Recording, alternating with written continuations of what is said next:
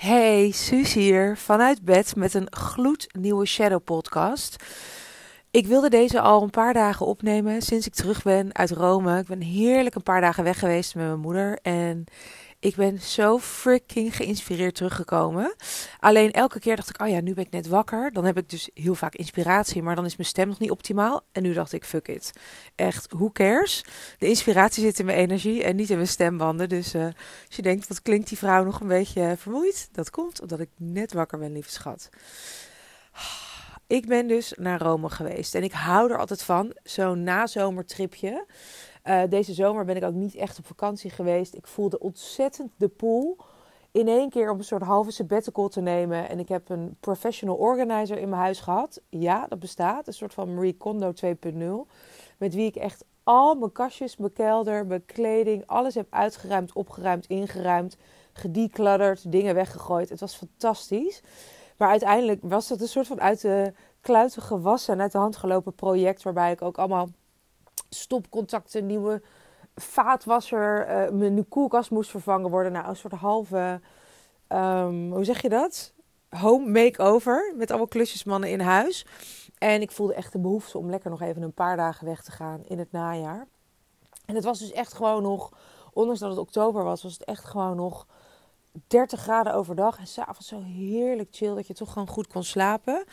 En zo fijn vind ik dat altijd. Zo'n nazomertripje, vijf dagen, voelt dan gewoon echt als vijftien dagen. Omdat het ook gewoon zo'n andere lekkere after summer chill vibe is. En ik zei ook tegen mijn moeder, ik wil echt per se niet naar een nieuwe plek. Want dat doe ik heel vaak. Ook omdat mijn moeder wat ouder is. Dan gun ik haar altijd nog helemaal weer nieuwe plekken en zo. Waar ze zelf anders niet meer zou komen. Maar ik zeg, dan ben ik ook weer zo reisleider. En ik wilde heel graag naar een plek waar ik ook lekker gelijk kon landen. En wat ik zelf heb gemerkt, misschien ken je dat ook wel, is dat het gewoon beter lukt op het moment dat ik naar een plek ga waar ik al geweest ben. Weet je, in het begin in Rome, toen ik daar voor het eerst was, ik denk dat ik er nu vier keer ben geweest. En dit keer landde die stad op zo'n andere manier. Um, ja, het kwam echt heel anders bij me binnen. En de eerste keer, weet je al, deden we echt de fietstours langs het Colosseum en Pantheon en overal naar binnen en in rijen om dingen te kunnen bekijken. Vaticaan, nou, Sint-Basiliek, al die dingen. Magisch mooi. En vervolgens heb ik dat nog een keer zo gedaan. En ik ben ook best wel vaak in mijn eentje naar Rome gegaan. Eén keertje om Abraham Hicks te zien. Um, en gewoon lekker door de stad te banjeren. En toen voelde ik al, wow. Dat was eigenlijk misschien voor het eerst Weet je, waarbij ik niet alleen de diepgang kon voelen van de stad, maar ook echt de ziel. En waarbij ik echt kon voelen: wow, deze stad die spreekt gewoon tot mij, tot mensen. Maar als ik zo druk ben met allemaal tours en dingen zien, dan kan ik helemaal niet horen wat die stad eigenlijk nog veel meer te delen heeft met mij. Nog veel meer aan energie en aan vibe die ik gewoon in me op kan nemen. En een soort van op een hele diepere laag verbinding maken met de omgeving. En toen zei ik tegen mijn moeder, laten we weer lekker naar Rome gaan. Dus dat hebben we gedaan. En vanaf het eerste moment dat ik aankwam nu, dat we landen op het vliegveld, was het zo'n inspirerende trip. We hebben een hotel geboekt waarbij ik eerder al, toen ik daar was in mijn eentje, vorig jaar of twee jaar geleden was ik in Rome. En toen was er een vrouw die deed mij lekker door, door de, die, die, die, die verbleef daar ook. En die was heel bekend met Rome, een Amerikaanse vrouw. En ik kwam haar tegen in een cocktailbar en toen zei ze, met een helemaal mooie live muziek, en toen zei ze, weet je wel dat hier echt een bizar hotel naast zit, wat ook van de eigenaar is van de cocktailbar. Die cocktailbar was al niet normaal mooi. Toen zei ik, nee, dat weet ik niet. En toen liet ze me dus dat hotel zien. Nou, dat hotel is Spagna Royal Suite. En Spagna schrijf je als Spagna, S-P-A-G-N-A. En die gozer, die eigenaar van de cocktailbar, was echt zo'n typisch Italiaanse man. Massimo, ik weet zijn achternaam niet. Jonge gozer, weet je wel. Echt gewoon, al die vrouwen hingen een beetje om hem heen. Echt een flirt. Goeie, weet je wel, echt mooie vent om te zien. En zij liet me dus zijn hotel zien. En al die kamers, ja, die waren in die gangen ook. Weet je, het had meerdere verdiepingen met, met een aantal kamers per verdieping. Ik had nog nooit zoiets gezien. Ik had gewoon nog nooit zoiets gezien.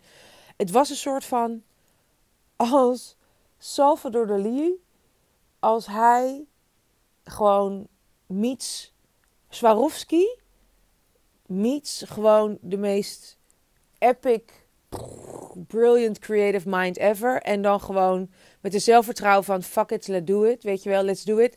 Niemand gaat mij vertellen dat het over de top is en dat het te extra is en dat het niet kan. En nou ja, dat hotel is me altijd bijgebleven. Ik had al een heel hotel, mooi hotel toen. Maar ik dus wist altijd van oké, als ik terug ga, dan wil ik daar echt gewoon een keer verblijven. En nu ging ik terug en ik zei tegen mijn moeder, we gaan daar verblijven. Het is heel dicht bij de Spaanse trappen, echt midden in Rome. Dus ik had dat hotel geboekt voor een paar dagen en een paar dagen een hotel met zwembad aan de rand van Rome, wat nog steeds hartstikke goed te lopen is. Ik hou van alles lopen in Rome. Echt gewoon lang leven de stappenteller en dan gewoon de hele dag lekker pasta's en al die dingen kunnen blijven eten en, en gelato's en zo omdat ik gewoon zo lekker alles tegelijk weer afloop. Vind ik echt bizar hoeveel wij dan kunnen eten. En dan toch nog afgevallen terug kunnen komen in, uh, in Nederland. Maar anyway, ik had dus dat hotel geboekt. Niet de duurste kamer, omdat die echt heel kostbaar zijn. En ik wist van, we gaan het merendeel niet in die kamer verblijven, maar gewoon lekker buiten zijn. En toen kwamen we daar en toen was Massimo daar. En die gaf ons eigenlijk gelijk, toen hij mij herkende, ik had het geboekt via booking.com, gaf hij mij een upgrade. En die upgrade was naar een suite. En holy freaking shit. Die suite had ik niet gezien. Want ik kon natuurlijk vorig jaar of twee jaar geleden, toen ik er was, alleen maar de kamers zien waar niet mensen verbleven. Dus die niet bezet waren. Nou, deze upgrade naar een suite. Holy moly. Dit is gewoon een suite met een bed, met allemaal van die houten balken, met daaroverheen gouden gedrapeerde doeken. Met een minibar die je, zoals je die nog nooit hebt gezien. Met een vloer, weet je wel, helemaal gewoon in de gang daar naartoe, die helemaal in goud gegoten was. Met een gang met allemaal daar zo'n hele wand, links en rechts, met allemaal aquaria erin. Met kwallen, jellyfish, allemaal hele mooie vissen en weet ik het allemaal niet. Super mooi paars licht. In die suite zat een aparte wellnessruimte met een gouden trap, allemaal goud gemozaïekt naar een jacuzzi waar je met meerdere personen in kon. Met een gym. Ik zag op een gegeven moment zag ik daar nou techno gym. Gewoon een hele gymmachine. Een soort van apenkooi wand. Maar dan gewoon om lekker zelf even te gymmen. Nou, ik kan nog wel even doorgaan. Maar en je deed je, je ramen open met die luikjes. Weet je wel, die houten luikjes. En dan was je echt gewoon precies midden in het centrum van Rome. Waar, waarbij je gewoon uitkeek op de Spaanse trappen. Oh my gosh. En als je de ramen dicht deed, was het gewoon muis, muis, muis stil. Al zijn suites zijn zo. Hij heeft er ook een of andere mega grote hak. Helemaal met gemozaïekt, met knalrode, glimmende, shiny steentjes. En dat is dan een bad. En hij heeft ook een kamer met een bed dat gewoon helemaal de lucht ingaat. Een gouden bed, wat gewoon letterlijk over hemelbed gesproken. gewoon, dan kan je gewoon twee meter, gaat dat naar boven richting het plafond. En dan onder het bed heb je daar dan een lounge en gewoon een Domperion wijnkoeler. Nou, ik zweer het je, hij heeft zulke bizarre kamers. Maar die gozer is jonger dan ik, hè? Volgens mij is hij tien jaar jonger dan ik. En ik kijk alleen maar en ik denk... Het is zo niet praktisch. Je zou zoveel meer geld kunnen verdienen als jij die kamers de helft van de size van de grootte zou maken. Maar hij wilde gewoon zijn droom wilde die gewoon vormgeven en hij wilde gewoon daar uiting aan geven. En ik dacht, holy shizzle, hij heeft dit hotel nu gebouwd. Ja, het moet ook onderhouden worden, maar niemand pakt hem dit ooit af. Wat hij ook gaat doen of niet gaat doen in zijn leven, dit is zijn legacy. En hoe wij ervan genoten. En mijn moeder genoot van. Weet je, je kan niet, niet genieten van zijn inspiratie. En weet je, als het je niet raakt, dat is gewoon knap. Dus het feit dat hij zo out of the box dacht. Dat echt het tegenovergestelde van dat hele Calvinistische wat wij in Nederland kunnen hebben. Van doe maar gewoon en doe je al gek genoeg. En het gewoon doen, nergens op besparen. Gewoon echt dat ik dacht, weet je wel, is er iemand die gewoon dacht, we moeten deze gozer stoppen, want hij stopt hier veel te veel geld in en dit is totaal niet rendabel, maar het gewoon doen. Ik vind dat zo freaking inspirerend. Dus dat was al toen we eigenlijk aankwamen, dat we al helemaal in die vibe zaten van ultieme inspiratie. En die vibe is eigenlijk heel onbewust ongelooflijk bij me gebleven terwijl ik met mijn moeder door Rome ging. We hadden een tour met een een Vespa-tour, waarbij we met een aantal anderen in een Vespa gingen. En dan was mijn moeder in de zijspan. Nou, ik heb gegierd van deze Bob en Annie de Roy trip. Maar echt niet normaal. Met zo'n helmpje op. En mijn moeder was echt... Just when I thought I couldn't love her more. Zat, zat die vrouw met een helmpje op in de zijspan. Zo ongelooflijk cute te wezen. En zo adorable. Ik heb echt genoten. En natuurlijk was het allemaal niet de allerbeste trip om Rome te zien. Maar ik heb gewoon zo gelachen dat wij met die Vespa door Rome gingen. En dat allemaal mensen ook zoveel joy hadden om ons te zien. En we hoefden niet te lopen. En we hadden gewoon weer alle belangrijke sites hadden we gezien. Dus alle belangrijke dingen die we wilden zien. En, en gebouwen en kathedralen en alles. Ehm, zodat we weer even een soort van refresher hadden. Hè, mijn moeder was al best wel lang niet in Rome geweest. Van oké, wat is daar allemaal te doen? En dat we ook wisten van oké, daar willen we nog zelf gewoon lekker naartoe wandelen. Of s'avonds naar terug. Of, of lekker, weet je wel, in het donker nog een keertje naartoe als het mooi verlicht is. Weet je wel zo. En ook dat was dus weer zo, zo, zo inspirerend. En we zijn allemaal kerken en kathedralen ingegaan en de Trevi-fontein. En het was alsof het me anders raakte. Dus waar ik voorheen echt dacht, oh wauw, wat te gek en wat is er nog meer om te zien, kon ik nu zo in alle eenvoud, maar ook misschien wel nederigheid, keek ik naar zo'n fontein en zei ik, mam, echt met tranen in mijn ogen. Hoe lang hebben ze hier aan gewerkt? Met hoeveel toewijding moet je zoiets maken? Ook die kerken, die altijd nog een dubbel gevoel bij mij oproepen. En ik denk dat dat gewoon echt mijn christelijke achtergrond is. Ondanks dat ik nu niet meer religieus ben en, en, en me christen aan zich voel of bij een kerk ben aangesloten op het moment dat ik een kerk binnenkom, is er altijd nog zoiets van hè, dat je niet andere goden mag aanbeden. Dus, dus dat is er zo ingeramd vroeger bij ons in de kerk of ingestampt. Dat dat altijd nog zoiets is van, oh ja, dat echt dat verafgoden, dat, dat, daar heb ik gewoon niet zo heel veel mee. En ik zag daar natuurlijk wel de meest magisch mooie schilderingen, die plafonds, de kunstwerken, de beelden. En ook daarin dat ik gewoon dacht hoeveel toewijding, hoeveel uren, hoeveel weken, hoeveel maanden, hoeveel, vele jaren zitten er in deze kerken. Weet je, we zien het in, in Barcelona, die Sagrada Familia, die natuurlijk nooit af is. Dat ik dacht, als je, als je hier aan hebt bijgedragen en aan die gebouwen en aan die kunstwerken en aan die beeldhouwwerken, die sculpturen, dat die in principe nooit verloren gaan tenzij ze gebombardeerd worden of, of de aarde ophoudt te bestaan. Dan heb je gewoon zo'n nalatenschap. We gebruiken het woord legacy hè, en ik misschien ook wel gewoon een beetje te pas en te onpas. Maar dat nalatenschap wat je dan hebt, wat je achterlaat op deze planeet. Ik was echt in awe daarvan. En het gaf mij op zo'n andere manier weer inspiratie. En ook de vraag, hè, want ik, ik hou dus ook van Rome omdat ik daar dus heel veel input krijg. Er is lekker eten, er is mooi weer. Ik vind het heerlijk om met de mannen te flirten, met de kinderen te flirten. De vrouwen die zijn vaak wat, uh, wat, wat meer Noors en naar binnen gekeerd en zo, wat minder open. Maar verder is het zo'n open stad. En ik voelde ook gewoon echt dat ik op een andere manier verbinding wilde maken met wat ik weer aan het doen ben. En toen ik daar dus ook, hè, met al die input die ik altijd krijg, vind ik dus kerk heel fijn ook, om daar dus te zijn. Dat vind ik zo fijn. Dat is denk ik ook een reden waarom heel veel mensen het fijn vinden om naar Rome te gaan. Omdat je naast zoveel input ook dus daar op elke hoek van de straat eigenlijk een plek hebt waar je helemaal naar binnen kunt keren en kunt zijn in stilte. Ik denk dat dat echt de magie is voor Rome, in elk geval voor mij. Waardoor ik het daar heel veel langer volhoud dan bij andere steden bijvoorbeeld. En me daar veel sneller over prikkeld voel in andere steden. Maar terwijl ik daar zat, voelde ik gewoon echt zo de uitnodiging, de vraag die echt tot mij kwam op een heel diep niveau. Wat wordt mijn legacy? Ik voelde zo'n behoefte om echt nog meer een legacy te creëren. Iets niet per se misschien tastbaar, zoals zo'n sculptuur of zo'n kerk. Het, ik dacht nog even van, goh, is dat dan een boek of zo? Is dit dan de pool om een boek te schrijven? Maar dat voelde niet per se waar. Alhoewel ik wel denk dat dat ooit gaat gebeuren.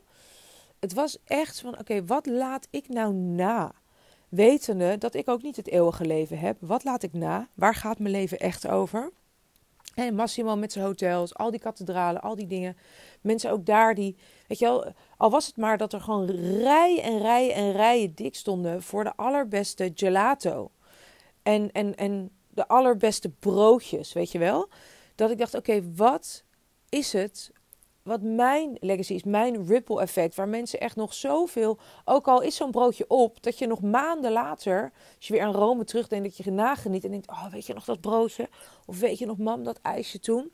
En dat dat weer helemaal opnieuw iets met, met je energie doet. Dus ik voelde gewoon heel erg, wat is de meest inspirerende persoon die ik kan zijn voor de mensen die iets van mij willen leren en, en die mij inhuren of die met mij werken en die mijn community zitten. En dat kwam denk ik ook niet voor niets, die vraag, omdat ik vlak voordat ik naar Rome in mijn businessjaartraject League of, Your, League of Your Own, wat voorheen unapologetic was, daar heb ik ook een exclusief programma gegeven, Role Model. Role Model, Leading by Example, Learning by Example. En daarin heb ik ook heel erg de vraag gesteld aan de vrouwen van goh, ga nou eens door je leven, een soort van de wheel of life, en kijk nou eens waar kan je upgraden? Waar kan je nog veel meer dat inspirerende rolmodel zijn? Wat je ook echt wil zijn en waarvoor mensen bij jou komen. Weet je, ook als je niet betaald wordt om een rolmodel te zijn, dan nog um, indirect betalen mensen je altijd om hun rolmodel te zijn op een bepaald vlak, hè, op jouw expertise. En in mijn geval omdat ik echt ook vrouwelijk leiderschap natuurlijk zo als topic heb, denk ik dat dat nog iets meer geldt. En vanaf het moment dat ik terugkwam van, van Rome, merkte ik dat die vraag zo bleef en dat ik echt mezelf heel concreet de vraag stelde: Suus, hoe kan jij nog zoveel inspirerender zijn op alle vlakken van je leven? Net als dat ik altijd mijn eigen rolmodel heb gehad. Weet je, nu zijn er niet heel veel mensen, zeg maar in, de, in, in, in mijn veld. Dus als het gaat over business mentors, als het aankomt op vrouwelijk leiderschap. Tuurlijk zijn er heel veel mensen in de wereld, weet je wel, vrouwen die mij inspireren. Op het gebied van leiderschap, weet je. En dat zijn gewoon mensen die, dat zijn de, journalisten die in nu eh, het hele conflict in de Gaza, wat natuurlijk weer opnieuw nu breed wordt uitgemeten in de media. Weet je wel, de meisjes die gewoon alles kwijt zijn geraakt en die toch nog met hun, hun laatste telefoon alles uh, filmen en op Instagram zetten met gevolg voor, weet je wel, en, en risico voor eigen leven. Um, de mensen die opkomen voor de mensenrechten. Weet je, iedereen die gewoon zo'n inspirerend verhaal heeft. Maar dat zijn vaak de mensen die niet eens in Nederland leven, die niet eens in mijn werkveld zitten, die gewoon zo'n bizar verhaal hebben dat ik denk: holy shit. Weet je wel, die ontsnapt zijn uit hele penibele omstandigheden vanuit hun land. En, en, en dat ik denk, wow, weet je, jij hebt gewoon echt nergens een goldcard of een wildcard gekregen. En jij hebt dit gewoon helemaal zelf gedaan. Weet je, dat is een heel ander level van inspiratie. En natuurlijk, iedereen inspireert mij altijd op een manier met een persoonlijk verhaal. Dus het is echt niet van, nou, niemand inspireert mij. Maar in mijn veld voelde ik gewoon van: oké, weet je, met wie, wie zou ik inhuren? Met wie zou ik werken? Omdat diegene mij echt, echt, echt tot in mijn kern inspireert. Dat zijn er gewoon niet zo heel veel. En dat zijn heel vaak buitenlandse coaches en mentors die ik daarom ook inhuur. En zonder me daarbij verheven te voelen of zo, want dat is het helemaal niet, voelde ik zo'n pool en zo'n calling vanuit een plek van: oké, wauw. Maar wat als ik de meest inspirerende persoon word die ik ken, het meest inspirerende rolmodel? Ja, ook voor anderen, maar in eerste instantie voor mezelf. Zodat, weet je, waar we allemaal nog wel eens de fraudeur kunnen hebben. Of weet je, dat, dat op het moment dat ik bij jou een vlieg op de muur zou zijn.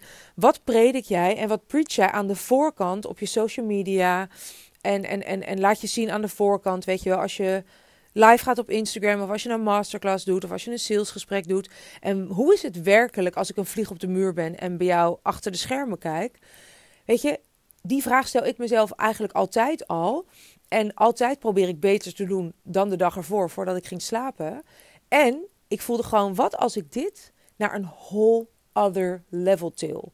Voor mezelf in eerste instantie. Zodat ik weet dat ik gewoon altijd de meest inspirerende persoon ben die ik kan zijn. Voor mezelf. Zodat wat ik laat zien zo freaking congruent is met wat ik leef en voorleef aan de achterkant. Voor mezelf in eerste instantie. Niet omdat ik anders misschien door de mand val. Of omdat mensen misschien gaan ontdekken dat. Nee, omdat ik die persoon wil zijn. Omdat ik het naar een whole other level kan tillen. En dat is wat ik, wat ik gewoon. Het was niet eens echt een besluit. En het was ook wel een heel duidelijk besluit. Maar het was gewoon eigenlijk al gedaan. Het was al gebeurd. There was no way back. En hoe dat dus nu ja, uiting vind in mijn leven, is dat ik dus eigenlijk een soort van combinatie van: oké, het meest inspirerende rolmodel zijn, het meest inspirerende leadership tonen en laten zien, de meest inspirerende persoon zijn die ik kan zijn voor mezelf, voor mijn omgeving, voor mijn community, maar ook dat op het moment dat ik gewoon niet mezelf zou zijn, dat ik mezelf zou willen inhuren. Weet je wel, dat alles wat ik doe, dat ik, ik ga niet de Trevi Fontein of de David ga ik, ga ik vormgeven. Die zijn er al. Ik ga niet al die kerken vormgeven. Ik ga niet die dingen doen die al gedaan zijn. Ik ga niet het hotel maken. Weet je, het is op een andere manier. Het is op mijn manier. Maar wel voelen, oké, weet je, dat is al gedaan. Maar wat is nou het meest inspirerende dat ik voor mezelf kan doen, kan creëren? Hoe ziet de meest inspirerende versie van mijn aanbod eruit? Waardoor ik echt denk: oh my gosh, hier ben ik obsessed mee. Ook als mensen zeggen: ben je wel helemaal goed, Suus? Is dat wel schaalbaar? En in de volgende podcast zal ik al gaan uitleggen hoe dat ook nu direct invloed heeft op bijvoorbeeld mijn aanbod. En wat ik wel of niet meer offer. En waar ik wel eigenlijk en niet direct tegen de stroom inga van wat eigenlijk allemaal nu gepredikt wordt over dingen schaalbaar en dingen wel of niet doen. Dat ik zo duidelijk voelde, maar dit is de manier waarop ik er obsessief mee ben en waarop het voor mij inspirerend is. En waardoor ik het dus ook gewoon ongelooflijk goed verkoop. Kom ik in een andere podcast op terug, want anders wordt deze wel heel erg lang. Maar hoe het dus direct nu doorwerkte, is dat ik dus inderdaad naar mijn aanbod heb gekeken. Van oké, hoe is dit iets waarbij ik en super, super geïnspireerd ben om het zelf te leveren, maar ook mijn klanten zo mij mega inspirerend vinden. En weer mega geïnspireerd zijn door wat ik teach, door wat ik laat zien en door wat ik voorleef als hun mentor. En dat echt gewoon, let's take it up 10 notches, weet je wel? Dat echt naar een whole freaking other level. Maar ook daarin echt een legacy creëren. Omdat ik echt wel voelde, ik wil iets nalaten. Ik wil niet zomaar mijn geld verdienen met iets waar ik makkelijk geld mee verdien. En wat makkelijk schaalbaar is. En waarvan ik denk, nou weet je, dat kopen mensen toch. Dat werkt toch. En dan kan ik toch lekker ook allemaal andere leuke dingen doen in mijn leven. Nee, ik ben hier ook echt om een legacy na te laten. Omdat ik dat graag wil. Omdat mijn leven daarover gaat. En ik nooit, weet je, ik heb altijd gevoeld dat ik extraordinary dingen wil gaan doen in mijn leven. Daarom ben ik tv-programma's gaan maken. En was ik heel moeilijk met welke tv-programma's ik in mijn 15 jaar lange tijd achter de schermen in Hilversum. Wat ik wel, waar ik wel niet meer bijdrage aan wilde leveren. Omdat ik altijd wilde dat waar ik mijn bijdrage aan leverde, dat it would mean something. Dat het echt betekenis had voor de kijker. Dus dat is altijd zo geweest. Ik wilde vroeger al actrice worden. Weet je, en. en daarin ook, heb ik ook wat dingetjes gedaan op tv. Ik zat ook op de jeugdtheaterschool, weet je wel, de vooropleiding voor de toneelschool. Omdat ik toen ook al voelde, weet je wel, ik wil impact maken. Dus ik wil niet op een makkelijke manier alleen maar mijn geld verdienen. Dat is nooit waarom ik mijn business ben begonnen. En wat, wat er nu dus is veranderd, echt, eigenlijk is er niets echt veranderd en alles is veranderd. Het is vooral heel voelbaar en tastbaar voor mezelf. En daarmee ook in de frequentie die ik uitzend, heel, heel voelbaar in alles wat ik doe. Voor mijn klanten, maar ook in deze podcast, denk ik. De manier waarop ik zichtbaar ben. Weet je, bij alles wat ik doe, zonder dat ik hier dus heel veel tijd aan kwijt ben, want dat is helemaal niet zo. Maar er is een soort van je kan soms een filter hebben, weet je, waarbij je zegt van oké, is dit een filter ehm, waarbij ik mezelf, weet je, heel erg op de eerste plek zet. Hè? Als je bijvoorbeeld ehm, net hebt geleerd dat je je grenzen altijd zo lang bent overgegaan of die heb je nooit goed genoeg aangegeven in je leven, dan krijg je misschien als huiswerkopdracht mee van je therapeut van goh, ga jezelf nou eens op de eerste plek zetten. Nou, en dan ga je alles door die filter laten gaan van goh, ben ik nog steeds mijn eigen grenzen aan het aangeven of ben ik nu weer anderen voor aan het laten gaan, weet je wel zo. En bij mij gaat het dus allemaal nu door die filter van is dit nog steeds het meest inspirerende wat ik kan doen en hoe ik kan zijn.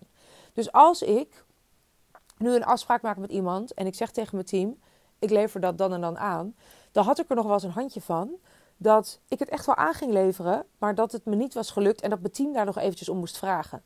Nou was dat wel een afspraak die we hadden. Dat ik zei van, goh, als ik het nou niet om vijf uur heb aangeleverd, vraag er dan nog even om. Dus dat was niet dat ik me niet aan mijn afspraak hield of zo in die zin. Want mijn team weet dat. Maar ik dacht, hoe fucking inspirerend zou het zijn als ik mezelf gewoon vanaf nu aan mijn eigen deadlines houd. Omdat ik gewoon die deadline heb gesteld. En niet omdat mijn team er nog een keer naar vraagt. En it changes everything. Dat ik gewoon zo nu mijn eigen woord eer. Op het moment dat ik tegen wie dan ook zeg: Oh ja, dat doe ik wel even. Of Oh ja, dat lever ik je wel even aan tegen een klant. Of Oh, ik, ik kijk er nog wel even naar. Of oh, het is me nu niet gelukt, ik doe dat morgenochtend first thing. Dat ik me eigenlijk 100% aan die deadlines houd. Hoe inspirerend is dat? Ik vind dat gewoon inspirerend gedrag. Weet je, ik heb nu um, dat mijn hormonen, dat het lichamelijk een klein beetje heen en weer zwengelt. Dat het niet heel erg allemaal lekker in balans is. En nee, ik heb er geen tips voor nodig, want ik heb hele goede artsen die met me meekijken. Maar daarbij is er gewoon gezegd, Suus, weet je, het is heel goed voor jou als je s'avonds gewoon geen schermtijd hebt. En als je echt gewoon, weet je wel, helemaal lekker afschakelt. Eigenlijk na het eten al. En als je je houdt aan dit en dit en dit dieet. En dat dieet is vooralsnog geen gluten, geen zuivel, geen suiker en geen, ik vergeet er nog eentje, geen alcohol. Nou, dat zijn ongeveer alle dingen die ik lekker vind. Nou heb ik die uh, diëten. Het is een dieet, het is een bepaalde vorm van eten. Dus ik noem het een dieet, niet een dieet om af te vallen, maar een dieet voor mijn gezondheid. Om alles weer in balans te krijgen. En ik heb dit al vaker gehad. En er zit eigenlijk nog, er zitten nog wel honderd dingen meer bij die ik allemaal ook nog steeds niet mag eten en niet mag drinken. Er zitten bepaalde manieren van sporten bij die ik wel en niet mag. Weet je, dus het is best wel strikt en best wel rigoureus. En ik zou daar heel makkelijk over in mijn slachtofferrol kunnen schieten. Of de hele tijd kunnen zeggen als iemand mij iets aanbiedt in een restaurant. Of als ik ergens lekker eet. Nee, sorry, dat mag ik niet. Maar dat vind ik niet zo inspirerend. Want ik mag het wel. Want ik kan gewoon heus wel zelf kiezen om dat wel of niet te nemen. Alleen ik kies ervoor om op die manier niet te eten. En dat voelt heel erg empowered. Omdat ik een bepaald doel nastreef. En ik vind het dus ook super inspirerend gedrag. Dat als ik artsen inhuur en ik besteed daar tijd aan. En ik besteed daar geld aan. En ik besteed daar veel tijd en geld aan en energie. En iemand besteedt ook energie en tijd aan mij. Door mij als klant aan te nemen. Dan is het nogal inspirerend gedrag. Als ik me ook houd aan het protocol wat die arts voorschrijft. Ja, dus geen koffie ook, weet je wel. En, en echt, dat betekent dat ik nu heel functioneel eet. Mijn lichaam is de motor is de, is de auto en die heeft brandstof nodig. En het is een heel specifiek type brandstof. En dat geef ik mijn lichaam dus nu. En al het andere gaat er niet in. Dat is gewoon een keuze die ik heb gemaakt. Dus is het voor mij ook heel. Ik voel mezelf helemaal niet zielig.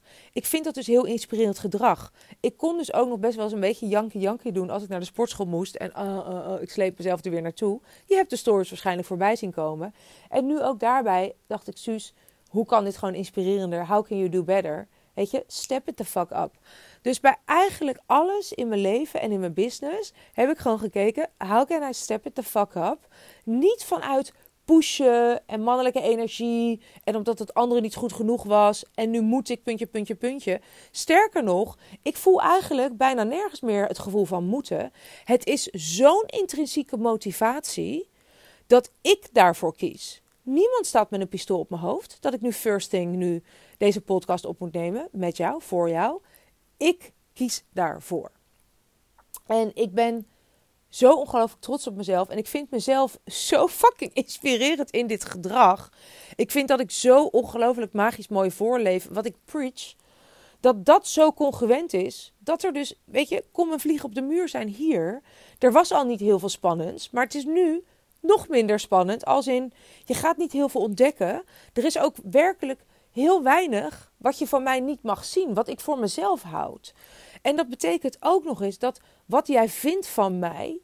En wat mensen kunnen zeggen, nou, ik heb ontdekt van haar dat ze puntje, puntje, puntje. Of ik vind haar helemaal niet zo puntje, puntje, puntje. Het raakt me gewoon nauwelijks meer. Het raakt me echt niet meer op heel veel vlakken.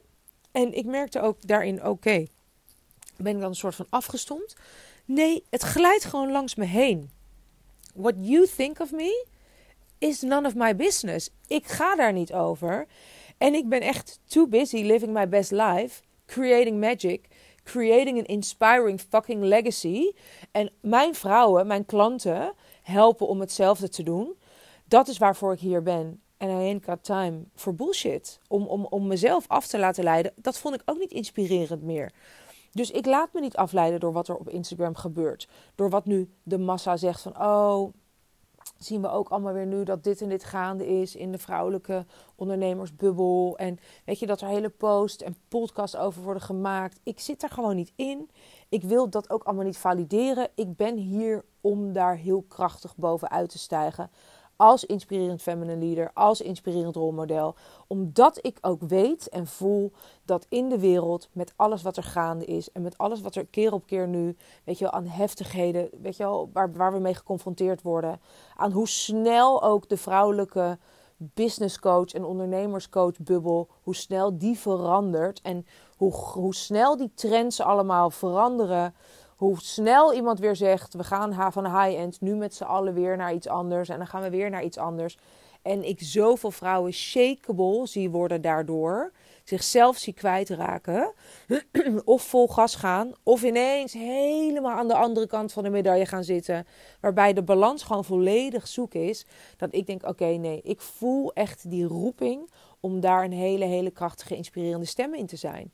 En die wil ik ook met liefde voor jou zijn. Weet je, op deze manier, via podcasts, via de masterclasses die ik geef via mijn programma's, via mijn uh, jaartrajecten.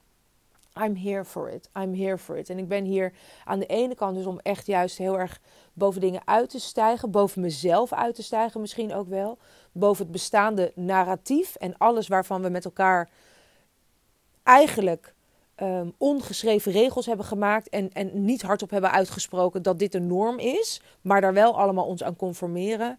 Dat ik aan de ene kant daar, daar eigenlijk echt heel erg bovenuit stijg en aan de andere kant juist mega, mega, mega of service ben en dienend ben. En oké, how can I serve? Weet je, hoe kan ik gewoon dienend zijn aan de groei van jou, aan de groei van de mensen met wie ik bedoeld ben om te werken aan de groei van deze planeet. En echt gewoon de consciousness en, en, en alles wat we hier doen en wie we zijn naar een volgend uh, niveau tillen. En dat klinkt misschien heel pretentieus, maar dat als je me voelt door mijn woorden heen, dan, dan ben ik daar juist eigenlijk heel nederig in. En hoe niet kerkelijk ik me nu ook voel, zo blijft Jezus juist altijd wel een van mijn grote inspiratiebronnen. En die liep een heel solitair pad. En die voelde zich nergens kleiner dan de rest. Die volgde gewoon zijn eigen pad, zijn eigen grootheid, zijn eigen roeping. En die voelde daar denk ik ook de grootheid en het belang uh, in. En die voelde tegelijkertijd zich nergens te goed voor wie dan ook. En die voelde heel duidelijk de, het feit dat hij moest, mocht dienen op zijn manier. En dat hij zich niet druk maakte over wie gaat er wel of niet met me mee. En dat is het pad waarvan ik nu voel. En wat dus echt in Rome, dat voelde eigenlijk als een, ja, nu ik dat zo zeg, misschien wel als een initiatie zonder dat ik dat doorhad. Ik voelde zo duidelijk dat ik naar Rome wilde en geen andere plek. En nu achteraf kan ik, hè, dit is maar een van de redenen, los van wat ik allemaal met mijn moeder heb ervaren en heb meegemaakt, maar was dit misschien wel een van de belangrijkste redenen waardoor ik echt me geroepen voelde om daarheen te gaan. En dit, my dear, voelt ook echt voor mij als een roeping, als een next chapter. En het voelt heel exciting om het met jou te delen. Ik ben heel benieuwd ook wat jij meeneemt, wat jou raakt, wat jou triggert misschien ook wel. Ik sta altijd open voor alles wat hier mogelijk uit voortkomt. En wil je het met me delen? Ik vind het altijd leuk als je het met me deelt in een DM bijvoorbeeld op Instagram. Suzanne Beukema. Hier in de show notes vind je waarschijnlijk ook een linkje naar mijn Insta. Maar Suzanne Beukema, that's, that's where you'll find me. Uh, ben ik heel benieuwd, weet je, wat, wat deze podcast met jou doet. En nogmaals, ik ga wat vaker podcasten opnemen nu ook weer. Weet je wel, het is altijd weer zo even lekker dat, uh, hoe zeg je dat? Dat we weer een drempeltje over zijn. Ik had het een tijdje niet gedaan. Ik vind het heerlijk om het te doen. Hoe meer ik loslaat waar het allemaal heen moet, hoe inspirerender ze vaak zijn en hoe sneller ik ze opneem. En in een van mijn volgende podcasts ga ik met je delen dan hoe dit direct mijn aanbod beïnvloedt. want een van de dingen als het dus gaat over het meest inspirerende rolmodel zijn voor mezelf en voor de mensen in mijn omgeving. En dus ook echt daarin kijken hoe kan ik een legacy achterlaten. Maar ook weten dat, ik, dat ik dus niet het eeuwige leven heb, verre van dat, naarmate ik ouder word. Is dat ik dus heel erg ook voel, oké, wat ik allemaal de wereld inbreng, I need to be fucking obsessed ermee. Anders gaat het gewoon niet gebeuren. Ik moet het zo erg voelen tot in mijn tenen. En niet omdat dat weer een handrem is hè, vanuit de perfectionist van, oh, voel ik het wel genoeg. Maar dat is gewoon ook weer de bril en de filter waar alles door gaat. En daar heb ik gewoon een aantal best wel rigoureuze tweaks gemaakt aan mijn aanbod. Uh, ook voor bestaande klanten. En dat, dat vraagt ook weer, weet je, dat brengt ook weer van alles met zich mee aan ongemak om dat dan weer mede te delen. Um, dus dat is, klinkt, klinkt misschien heel inspiring, maar it's not easy. Klinkt simpel, not easy. Um, dat zijn vaak twee hele verschillende dingen. Dus dat ga ik met je delen in een, uh, in een volgende podcast. En um, ja, voor nu nogmaals, ik ben heel benieuwd wat dit met je doet. En als deze podcast je inspireert en je voelt, ah, er is iemand anders die dit ook echt inspirerend gaat vinden of die dit nu moet horen, stuur hem vooral door. Want uh, let's spread the love. Hele dikke zoen voor jou, mooiert. En als nog niemand het gezegd heeft tegen je vandaag, je bent geweldig. Mwah.